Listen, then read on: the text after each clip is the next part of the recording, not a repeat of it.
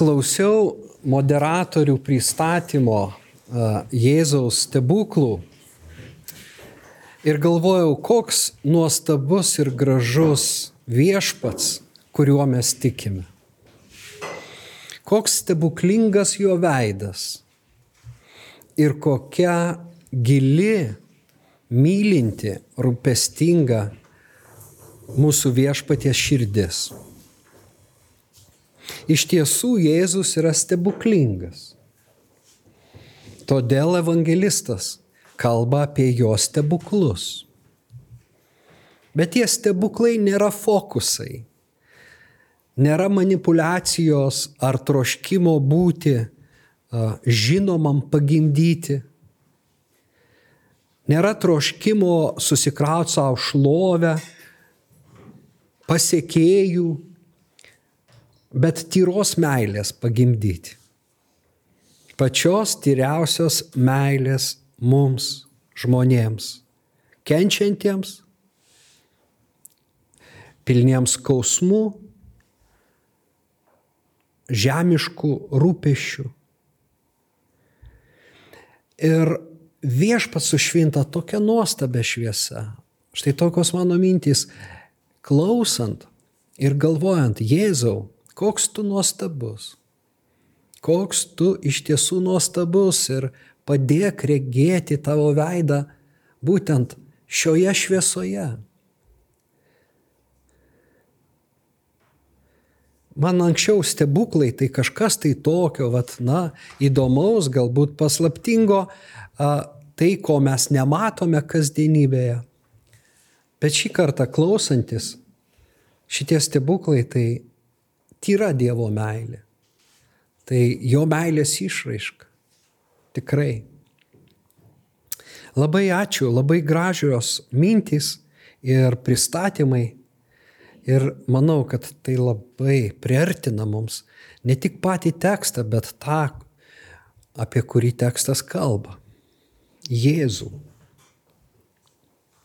Na, o dar kartą apibendrindamas Aš visų pirma norėčiau atkreipti dėmesį, kaip šitie pasakojimai bendroje a, Evangelijos pagal Joną a, teminėje sekoje išsidėsto. Aš minėjau berots viename iš susitikimų, kad Jono visą Evangeliją galėtume suskirstyti grubiai į dvi dalis. Pirmoji dalis yra stebuklų dalis. Pirmas dvyliktas skyriai ir antroji dalis yra kančios arba šlovės. Nes Jonui viena ir kita yra tas pats. Jo kančioje apsireiškia jo šlovė. Ir uh, ta vat pirmoji dalis, 12 skyrių, iš tiesų turi septynis stebuklus. Apie pirmąjį mes kalbėjome Kanos, Galilėjos Kanoje, Kanos mieste, kai Jėzus pavertė vandenį vynų. Apie antrą nekalbėjome, bet jis įvyko taip pat tame pačiame mieste kur Jėzus pagydė karaliaus valdininko sūnų. Na ir trečias e, Jėzaus stebuklas jau šiandien diskutuotas kaip tik prie e, stalo, kur man teko irgi e, sėdėti ir klausytis. Oi, atsiprašau, ketvirtas, prie šito minios pamaitinimas bet lošo žmogaus išgydymas yra a, tas trečias stebuklas.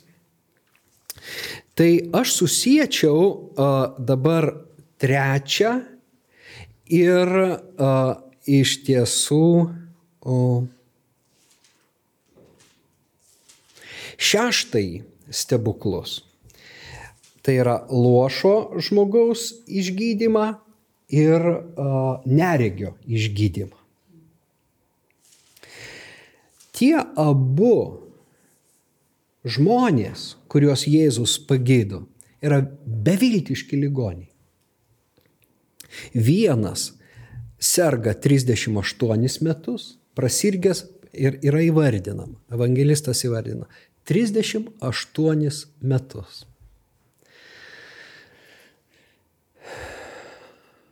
O kitas gimęs aklas. Reiškia visiškai beviltiški ligoniai. Ne, ne, ne šiaip vat truputį sergantis, tas, na, sunus valdininko, jis sirgo ir, na, Jėzus jį pagydo. O čia įdomu, kad, na, kalbant apie lošo žmogaus išgydymą, tarsi Jėzus vaikšto toje vietoje, kur yra daug ligonių ir ieško to labiausiai kenčiančių ateina tokia mintis, aišku, evangelistas to nesako, bet gali būti, kad, reiškia, jisai, na, ieško to labiausiai sergančių. Nes penktame skyriuje, trečiojo lūtėje, na, skaitome, kad ten buvo daugybė ligonių - aklų, lošų, paralyžiuotų. Štai toks gyvenimas, mėlyjei. Ir labai tai kontrastuoja su tuo, kad tai vyksta šventės metu. Iš tiesų, aš paminėsiu, kad šventės Jono Evangelijoje yra svarbios. Ir kas iki, kai skaitote ir atrandate, kad yra minima kažkokia šventė, jinai tikrai netarp kitko minima. Ir tas iškilo ir, ir, ir mūsų diskusijoje, kodėl paminėta, kad tai buvo jau arti paschos, netoli buvo Velykos. Iš tiesų, jums tikriausiai yra tekę girdėti, kad Jėzaus tarnystė tęsiasi 3,5 metų. Maždaug, ar ne? Arba apie 3 metus. Jėzus skelbė Dievo karalystės evangeliją, gydė ligonius ir po to a, buvo nukryžiuotas. Mirė ir trečią dieną prisikėlė. Bet tas laikotarpis, kai jisai tai darė nuo Jono krikšto Jordane iki nukryžiavimo yra 3 maždaug 3,5 metų. Iš kur tas skaičius paimamas? 3 metai 3,5. Būtent iš Evangelijos pagal Joną. Nes Evangelijos pagal Joną minimos šventės leidžia na, skaičiuoti. Pascha minima tiesiogiai tris kartus, tai jau yra du metai. O dar minima palapinių šventė, minima šventyklos pašventinimo šventė, tai yra Hanuka. Na, o čia, reiškia, penktame Jono Evangelijos skyriuje nepasakoma, kokia šventė. Tiesiog pasakoma, vieni rankraščiai sako žydų šventė. Reiškia viena iš švenčių. Galimas dalykas tai pascha. Štai vad jeigu tai yra ketvirtoji pascha, tai mes čia ir turime tos tris metus. Tai pradedant bažnyčios tėvais, formulavosi ta a, nuomonė, kad čia greičiausiai buvo pascha ir todėl vat, a, yra suskaičiuota tris 3,5 metų. Joks kitas evangelistas neskaičiuoja, nu, nemini taip švenčių, todėl neįmanoma būtų suskaičiuoti. Tik remiantis Jonu, maždaug susidaro vaizdas, kad tas laikas buvo labai neilgas. Tas laiko tarpas, kuriame Jėzus pradėjo skelbti, gydyti ligonius ir taip greit sukėlė savo tautos lyderių pasipiktinimą, kad buvo na, nubaustas mirties bausme yra ne, nedidelis, kas yra tie trys metai peros. Tai vad remiantis Jonu, čia kalbant apie šventes. Bet dabar, jeigu mes palyginame vat tą, O kas per šventes vykdavo? Vėlgi truputį mes prie stalo girdėjom, kad susirinkdavo žmonės į Jeruzalę ne tik tai uh, na, iš judėjos ir ne tik iš Galilėjos, kas yra nemažas kelias nueiti, bet Evangelijose mes skaitome, nu, kad vykdavo ten ir Marija su Juozapu ir šiaip reiškia tris kartus pagal Senąjį testamentą vyrai turėjo prisistatyti viešpaties akivaizdoje, jie eidavo su šeimom, a, a, nu, bent tris kartus, nesvarbu, kur tu gyveni. O kadangi žydų diaspora jau buvo pakankamai plati, Tai ir jie turėjo prozelitų, konvertitų, tai žmonės sueidavo į Jeruzalę iš tolimiausių na, kampelių pasaulio, iš tolimiausių kampelių. Jeruzalėje veikė prie sinagogų viešbučiai ir kasinėjimai tai patvirtina reiškia, na, smuklės viešbučiai, būtent ta Jeruzalė per šventes prisipildydavo, na, kaip mes sakytume, tokių religinių turistų, gausdavo jinai, na, nes šventykloje buvo trimituojama, aukojamos aukos Prisiminkime, kad vykdavo masinės aukos, visi atėję pagarbinti Dievą neždavosi kažkokią auką arba pirkdavo vietoje auką. Nu, palengvinimui buvo padaryti va tie stalai, kuriuos Jėzus ir Jono Evangelijoje apvarto iš, iš, iš varto, sakydami, jūs padarėte iš mano tėvo namų prekybos namus ir pavertėte plėšikų e, lindynę, bet iš tiesų tai ten buvo, na, toks aktyvus religinis gyvenimas visom prasmėm, kur virte vyrė, reiškia, na, aptarnavimas, ar ne, ir tarnavimas. Ir vat tame gaudėsi iš tiesų evangelistas mums netgi apie tai nepasakoja. Mums reikia žinot kontekstą, kad mes pamatytume, kad būtent tame gaudėsi Jėzus pasirenka visai kitą vietą. Jis būdavo ir šventykloj, bet čia mes penktam skyriuje Jėzus taiga pamatome ten, kur daugybė ligonių - aklų, lošų, paralyžiuotų. Koks kontrastas? Koks kontrastas? Ir žinote, ir šiandien, na, tie kontrastai yra labai ryškus, ar ne? Žiniasklaida, na, reklamos mums tavat skelbia laimingo, sėkmingo gyvenimo viziją. Ir nuėjęs į ligoninę, žmogus taiga susiduria su kančia kas sykį, kai man tenka, na, jau poliklinikoje užtenka, bet ypač ligoniniai, uh, pamatai veidus kenčiančių žmonių, galbūt ilgai kenčiančių. Ir uh, tą tokį prislėgimą, nevilti dažnai. Ir yra labai didelis kontrastas. Mes negalim gyvenimo su redukuoti, ar ne, supaprastinti tik tai, sakykime, iki šventės, iki linksmybės, netgi Dievo akivaizdoj. Nes yra kančia, nuo kurios nepabėgsi, yra galiausiai mirtis, kuri visų laukia ir labai dažnai jinai būna skausminga. Taigi, vad, kai, reiškia, evangelistas mums parodo Jėzų šiuo atveju, to, tame slėnyje. Mes skaitėm 23 psalmę, kur sako, jei eičiau ir mirties slėnio slėnių, mirties šešėlio slėnių, aš nebijosiu pikto, nes tu su manim. Bet vad Jėzus čia yra tame mirties šešėlio slėnyje.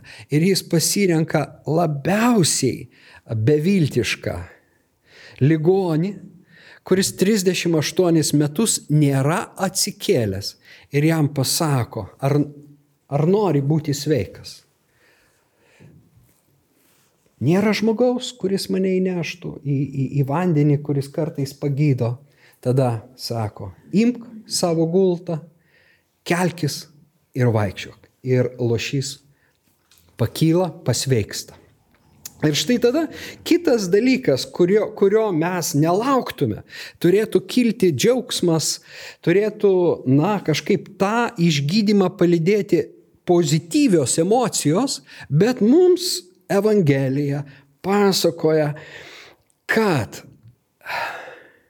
pasipiktinama tuo, kad tas lošys pasveiko. Ir pasipiktinimo priežastis yra kas? Ne ta diena, kai jis pasveiko. Šabas. Tai vad čia vėl ryšys su uh, tuo uh, neregio pagydymu. Kai pasveiksta neregys, ten irgi jis pasveiksta ne tą dieną. Abu du beviltiški ligoniai pasveiksta per šabą. O šabas yra šventa diena, jokių darbų dirbti negalima. Ne? Ir prasideda tardymai, prasideda, reiškia, kaip čia tas galėjo vykti. Ir, na, galiausiai daroma į išvadą, jau kalbant apie neregio palyginimą, kad kai kurie fariziejai kalbėjo, tas žmogus ne iš Dievo, kuris tave išgydė, nes nesilaiko šabo.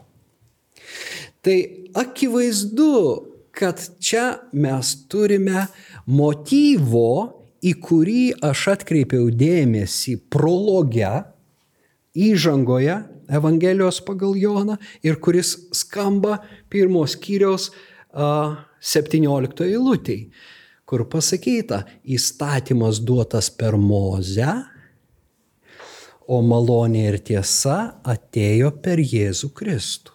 Malonė ir tiesa per Jėzų Kristų. Šabas buvo duotas per mozę.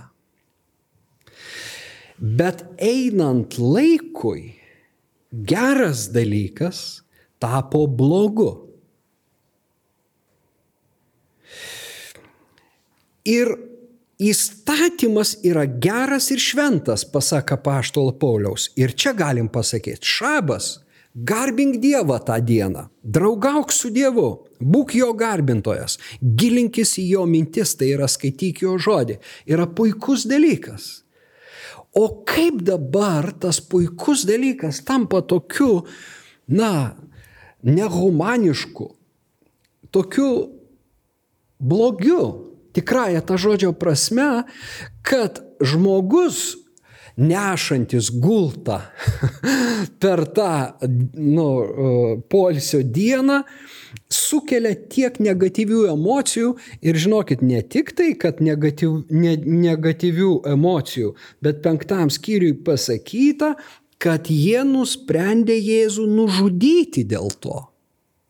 Ne tik tai, kad reiškia, na, pasipiktino, bet čia priežastis su tuo E, gydytojų susidoroti. Tai vad tas motyvas, jis iš tiesų Evangelijoje yra rutuliojamas, plėtojamas įstatymo. Ir čia mes turim ne tik tai įstatymą, mes turime įstatymo aiškinimą rabiniškoje tradicijoje, kurioje iš tiesų yra daug punktų. Ir pavyzdžiui, Mišnoje yra parašyta, kad žmogų per šabą galim nešti, bet žmogui gultą savo ne, negalim. Ir daug kitų punktų. Netgi šiandien nuvykus į Izraelį, na, yra mums labai įdomių dalykų. Pavyzdžiui, įlipus į liftą šabo dieną, nieko tu negali spausti. Lifto durys pačios užsidaro ir atsidaro, nes nuspaudimas yra darbas ir uh, uh, ne, ne, remiasi žodžiu nekurk ugnies, nedek ugnies per šabą. Ir uh, net šviesa, reiškia, yra na, taip įmontuota, kad jinai pati užsidega ir užgesta. Ša, šabo dieną nereikia to darbo atlikti. Mums tai jokinga, bet jiems tai šventa, ar ne? Čia gal tie iš tiesų tokie pavyzdėliai jokingi, bet čia Jėzus sąmoningai regis gydo per šabą.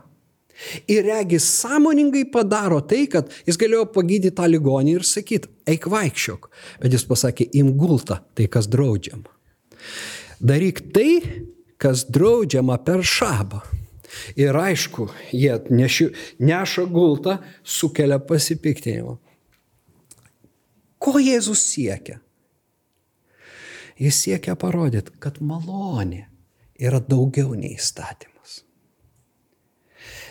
Siekia parodyti tai, ką Jokūbas užrašys savo laiškė, sakydamas, gailestingumas triumfuoja prieš teismą. Teismas negailestingas, neparodžiusiam gailestingumo. Gailestingumas triumfuoja prieš teismą. Ir mes matome gailestingą į tą Jėzų, kuris triumfuoja prieš įstatymo raidę. Ir parodo, kad apskritai jisai, žinokit, jeigu gilinamės labai atidžiai, būtent šeštame skyriuje, mes pamatome, kad jis teologiškai keičia sam, e, šabo sampratą, sakydamas, tėvas lygi šiol darbuojasi ir aš darbuojuosi su juo. Aš darau tai, ką matau tėvą darant. Ką jis sako, lygi šiol darbuojasi. Jis keičia sampratą, kad Dievas šešias dienas uh, dirbo, kūrė, o septintą ilsėjosi. Jis sako, ne, tėvas toliau kūrė ir nesijilsi, todėl aš nesilsiu. Tėvas nesijilsi, štai tai vyksta ir jeigu jo darbas vyksta šitą dieną, tai yra geras darbas. Bet kur yra ta baisi nu, tiesa, kad jie nebemato, kad tai geras darbas. Reiškia, va čia yra tas įstatymas, kaip jis apakina. Jisai raidė yra didesnė už žmogų. Žmogaus kausmas nesvarbu. Žmogaus lūkesčiai nesvarbu. Svarbu raidė. Taip parašyta. Ir jeigu taip parašyta prieš tave, tu nieko nebegali padaryti. Jėzus mums pademonstruoja, Jonas parodo kitą paveikslą. Jokių būdų. Jokių būdų.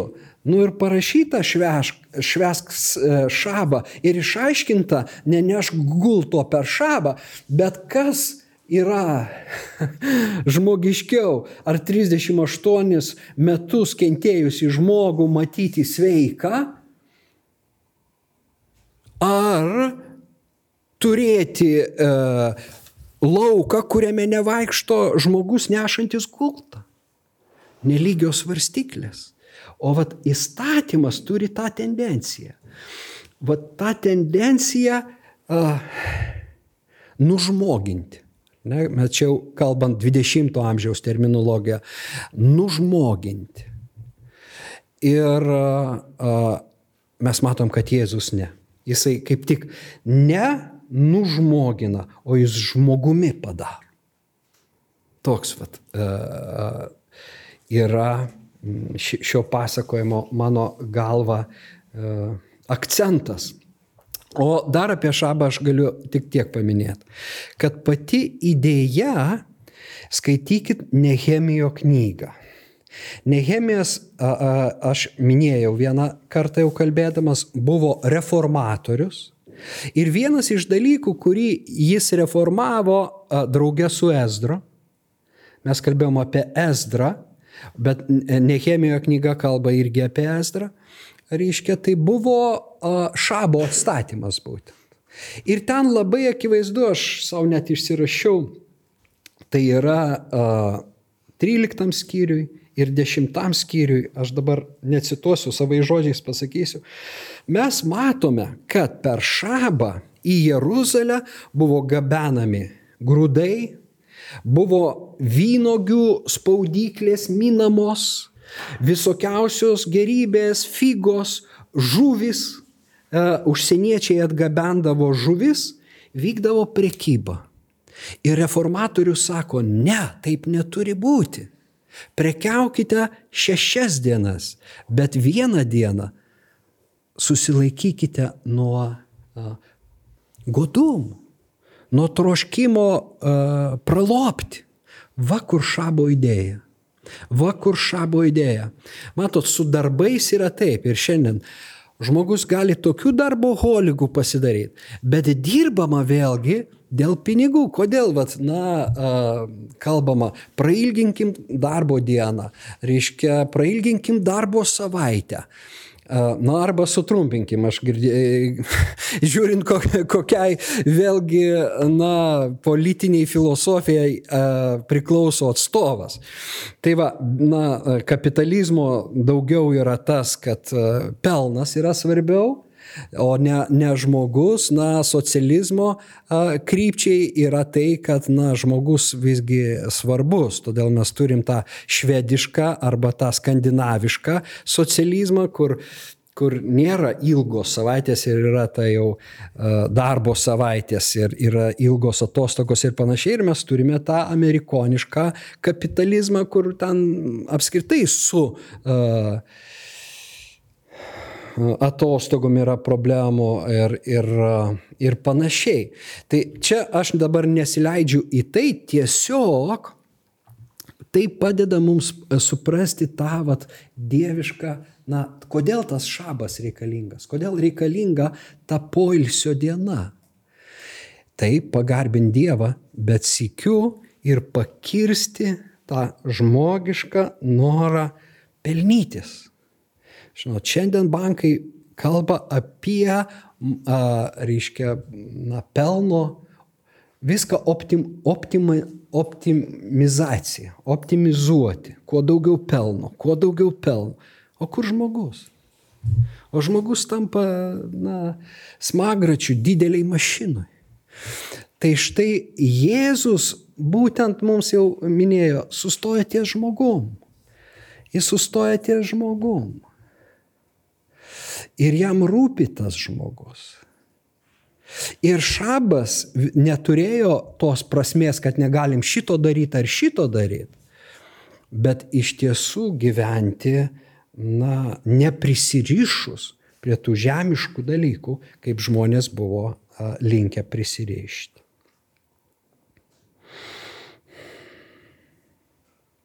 Na ir Apibendrinant, aš sakyčiau, va šitą stebuklą, ketvirtąjį stebuklą, lošio pagydymą, galim tiesiog būtų pasakyti, kad Jono Evangelija skelbia, kad Dievas nori padėti kiekvienam vargstančiam ir kenčiančiam ir kad žmogus visuomet yra Dievui svarbesnis už raidę. Už raidę. Ir aš matau, kad bažnyčiai šiandien reikalingas atsinaujinimas kur ir visada širdį džiugina, kai atsinaujinimas vyksta žmogaus link. Ir visada liūdina širdį, kai a, kažkokie procesai link raidės juda. Tai liūdina širdį visada. O kai link žmogaus, man, man atrodo, kad Jėzus yra būtent palinkęs link žmogaus, remintis tuo, ką mes skaitome. Na, apie minios pamaitinimą, kur man teko irgi e, klausyti tos diskusijos, reikia paminėti tai, kad Senajam testamente jau buvo pamaitinta minė. Pranašas Eliziejus antro, antroje karalių knygoje, ketvirtam skyriui, 42-44 eilutės, iš tiesų pamaitina šimtą žmonių. Tik ten yra 20 kepalų duonos. Na, proporcijos mažesnės, bet vis tiek tai stebuklas, jis aprašytas kaip stebuklas. Čiagi šitas stebuklas parodo, kad Jėzus yra didesnis, na, nors žmonės sako, tai pranašas, kuris turėjo ateiti, bet tie, kas skaitė Senąjį testamentą, žino, kad jis kur kas didesnis už pranašą Eliziejų. O Eliziejus buvo didesnis už Eliją.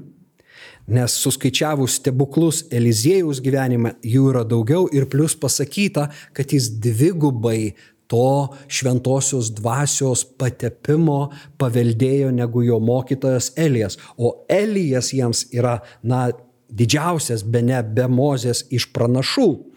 Todėl Mozė ir Elijas pasirodo ant atsimainimo kalno.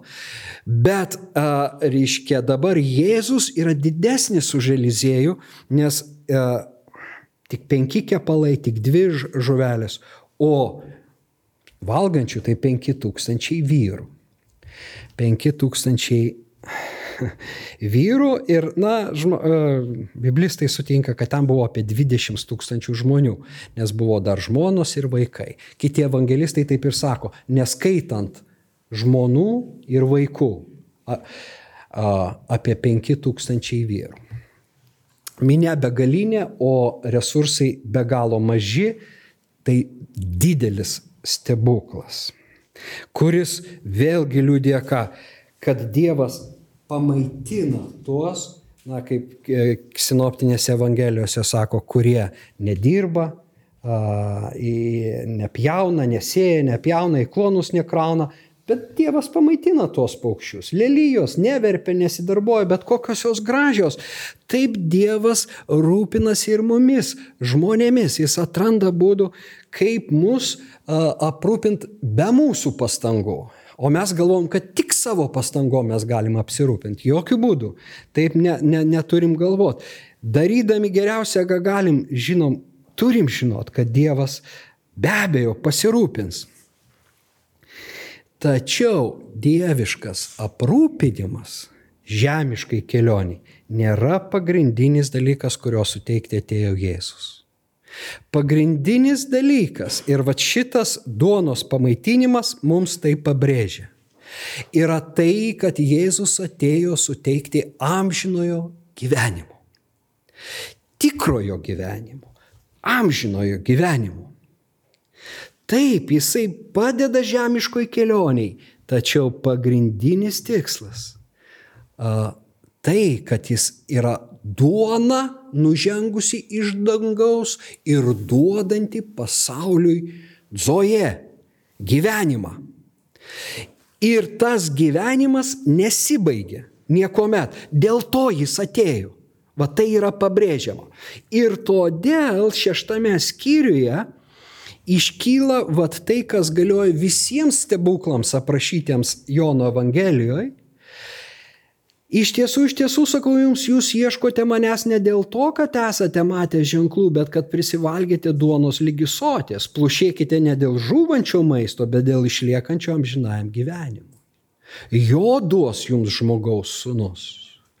Plušėkite ir čia tas priekaištas Žmonės ieškojo, jį surado. Ir net dar vienas motyvas prologo. Mes radome misiją. Ieškoti, surasti. Eureka, jeigu pamenat. Čia žmonės ateina, suradome Eureka, Jėzų. Ir staiga skamba priekaištas. Gerai, kad suradot, bet koks motyvas, kad manęs ieškojot? Motyvas, kad prisivalgė duonos liksotės. O aš atėjau ne to.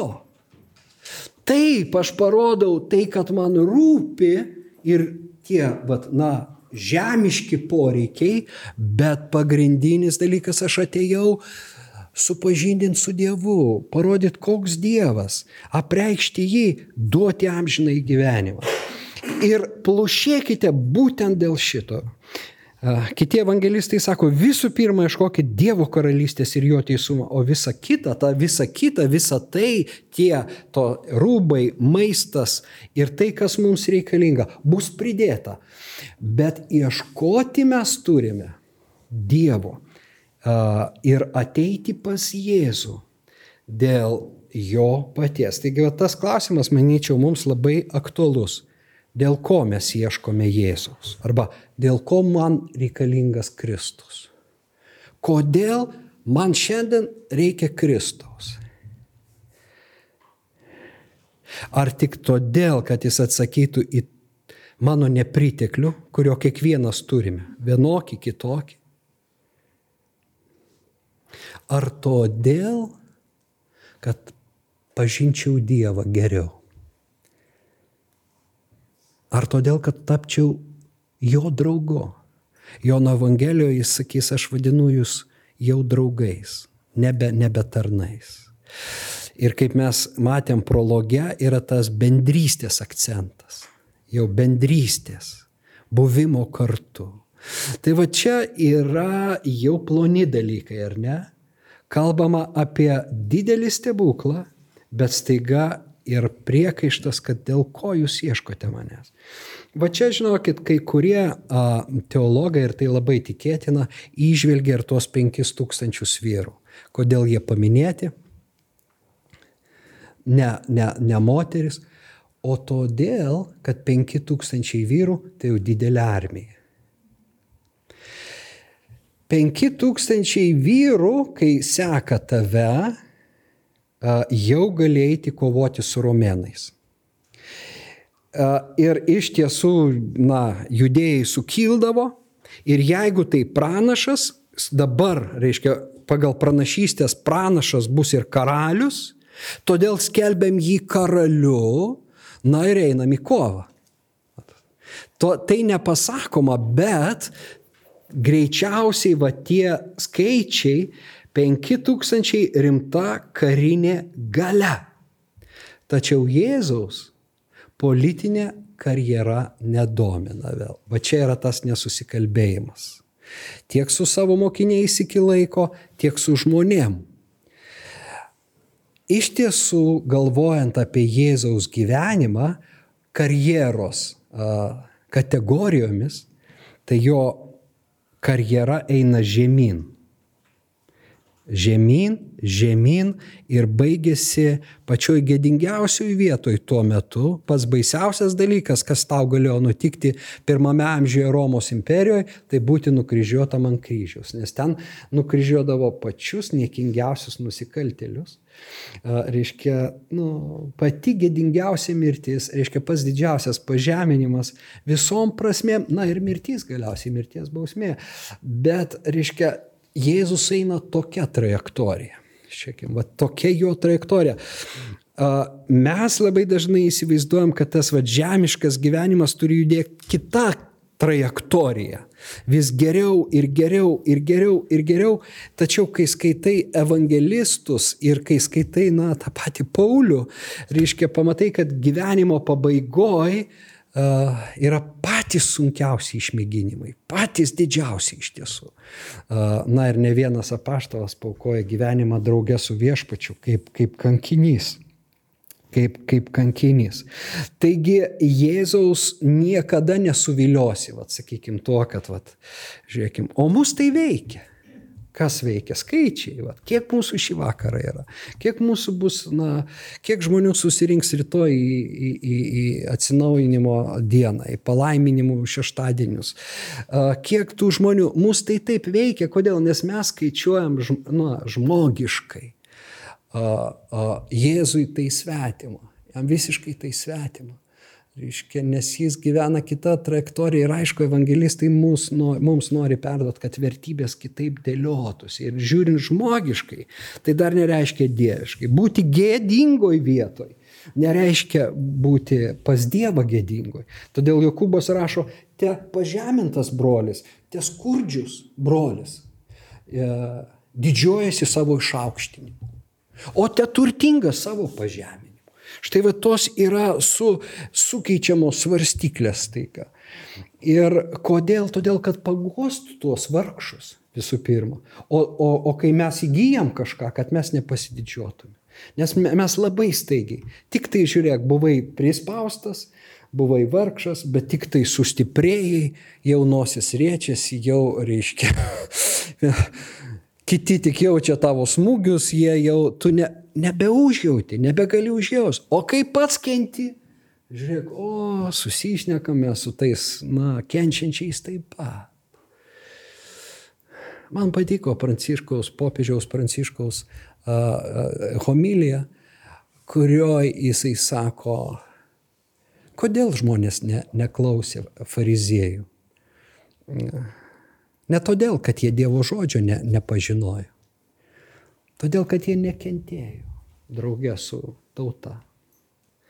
Ir sako, kentėkim draugė, ne, nevenkim kančios. Be, be galo išmintingi žodžiai ir juos savo reikia priminti. Reiškia, jeigu esu suspaudime, neturiu pamesti vilties ir nuliūsti ir priešingai žinoti, kad Dievas su manimi, jisai būtent tokių ir ieško. Bet jeigu jisai mane palaimino ir sustiprino dvasinėje kelionėje, aprūpino, išgydė, sakykime, čia pat jau gali netgi tam lošiui sako, žiūrėk, nenusidėk. Žiūrėk, nenusidėk. Tai reiškia, pagydė ir tada įspėjimas. Žiūrėk, nes ir vėlgi svarsto biblistai, apie ką čia dabar Jėzus kalba. Gal jisai jau pagyjęs kažką, pa, čia pat nuodėmės padarė kažkokias, kad jis sako, nes ką ten 38 metus tu gulėjai ir nevaikščiai, kokios ten nuodėmės atrodo. Na, čia šiaip, bet ta prasme, kai sustiprėjom, mes turim būti labai savikritiški ir labai tokie, vat, na, nuolankus. O kai kenčiam, ne, nepamesti a, minties. Tai vad, mėlyjei, apibendrinant šitą stebuklą galim būtų pasakyti, kad priimdami dovanas iš Dievo neturime pamiršti paties Dievo. Dovanotojas yra daugiau už dovanas. Būdami dėkingi jam už jo malonę, po malonės dovaną, po dovanos, visgi ieškokime ne dovanų, o jo paties, įdant geriau jį pažintume. Amen.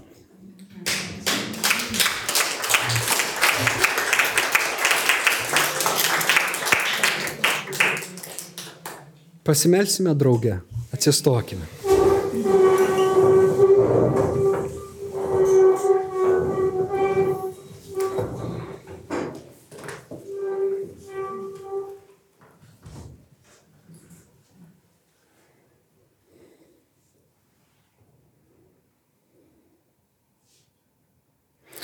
Nuostabusis Jėzau, koks tu gražus,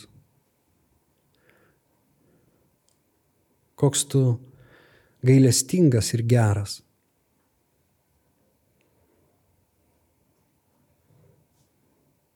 Kaip tu ateini paskenčianti.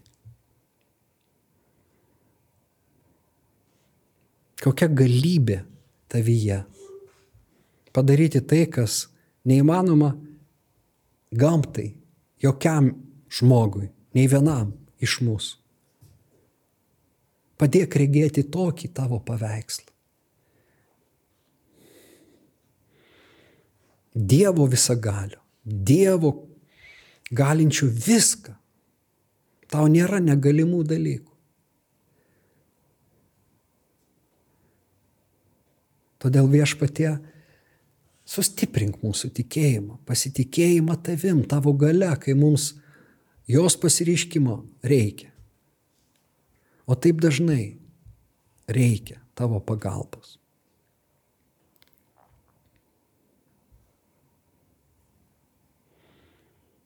Viešpatė padėk tave pamilti, pamilti daugiau, prisirišti prie tavęs,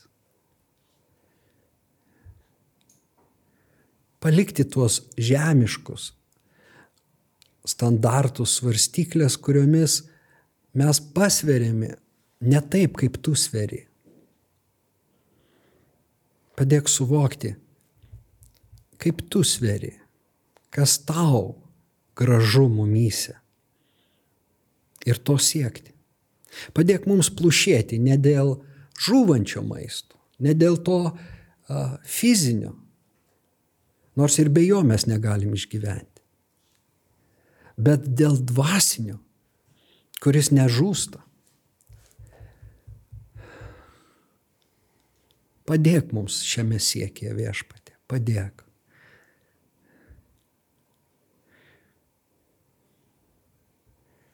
Garbinam tave. Ačiū tau šį vakarą ir už e, šią bendrystę dvasioje, už, už, už tą siekį e, skaityti tavo žodį ir atrasti tave tavo žodyje. Prasmingai praleisti laiką. Dieve, ačiū už tai, kad tu dovanoji šios vakarus.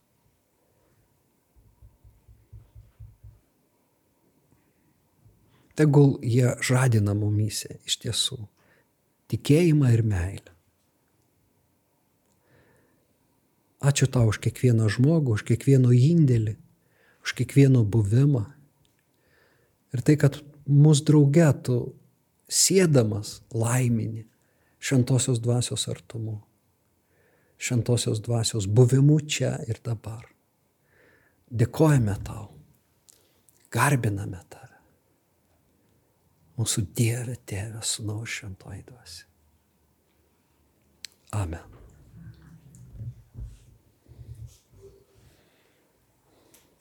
Jezus ťa